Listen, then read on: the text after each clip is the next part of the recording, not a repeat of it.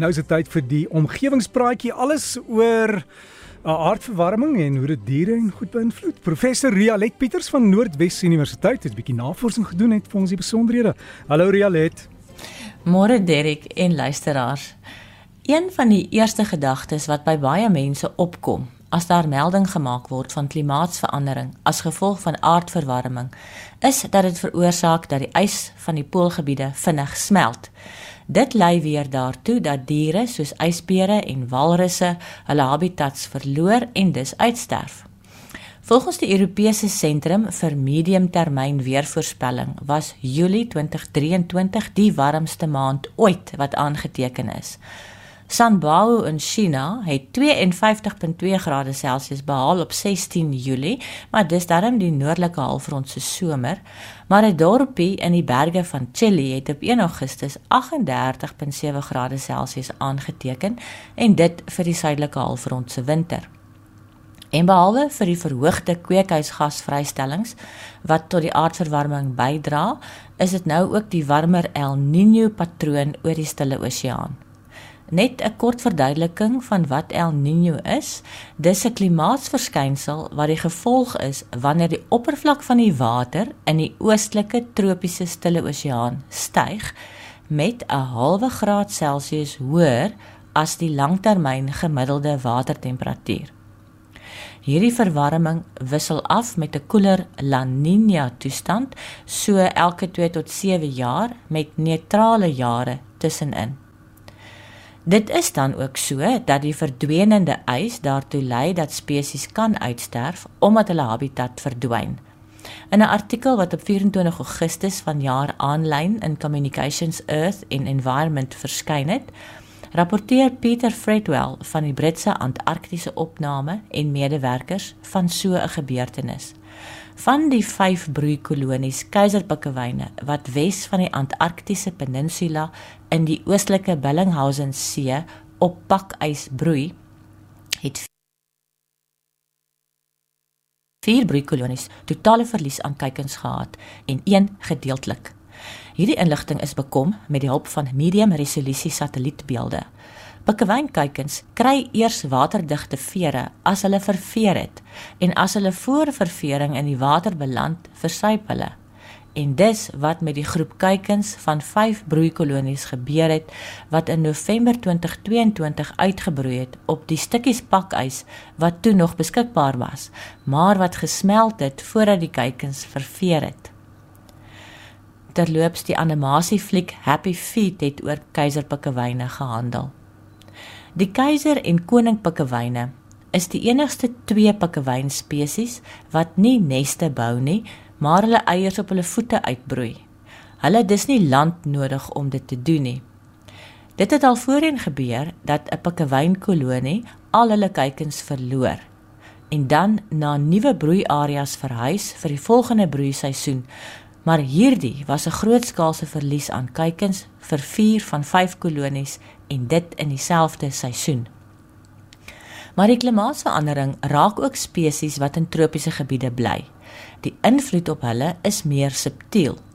In haar bydra tot die New Scientist van 23 Augustus hierdie jaar, vertel Daniela Rabayotti van die invloed van aardverwarming op wilde hondbevolkings in Afrika.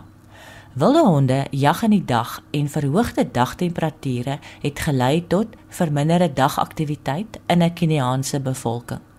Dit het waarskynlik gelei dat minder kos bekom is wat weer die voortplanting en oorlewing benadeel het. Warmer tydperke wanneer die kleintjies in die den is, het daartoe gelei dat minder kleintjies oorleef, langer intervalle tussen werpsels veroorsaak en ook dat die volwassenes se oorlewing afgeneem het na afloop van hierdie tydperke met die hoë temperature. En in Botswana het 'n groep wilde honde later gepaar omdat dit so warm was, maar dit het daartoe gelei dat die werpsels moes groot word in die nog warmer tydperk wat daarop gevolg het.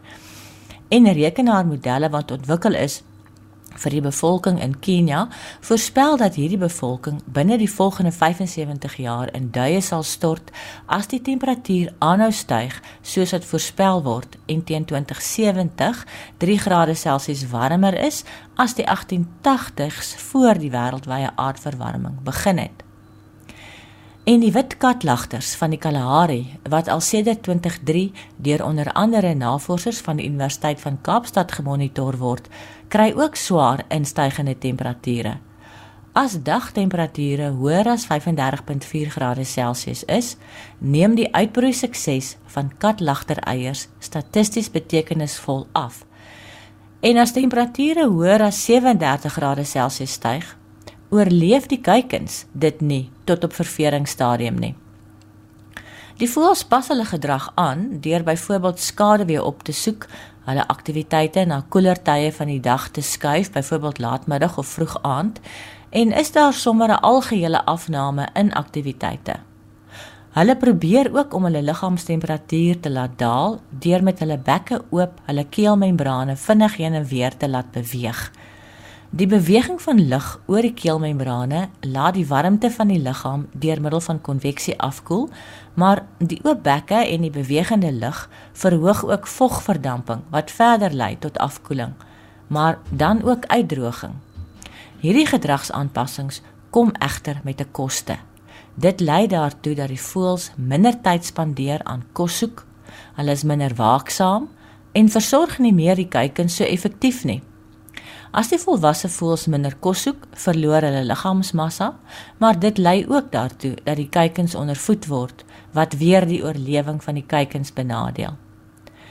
Die interessante raakpunt tussen die wilde honde en die wit katlagters is dat beide groepe sosiale diere is wat betrokke is by mekaar en help met die versorging van ander lede van die trop of swerm, al is dit nie 'n direkte familielid nie.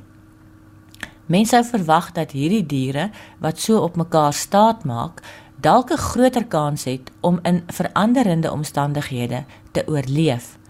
Maar dit lyk of selfs hulle met toenemende klimaatsverwarming sukkel met oorlewing.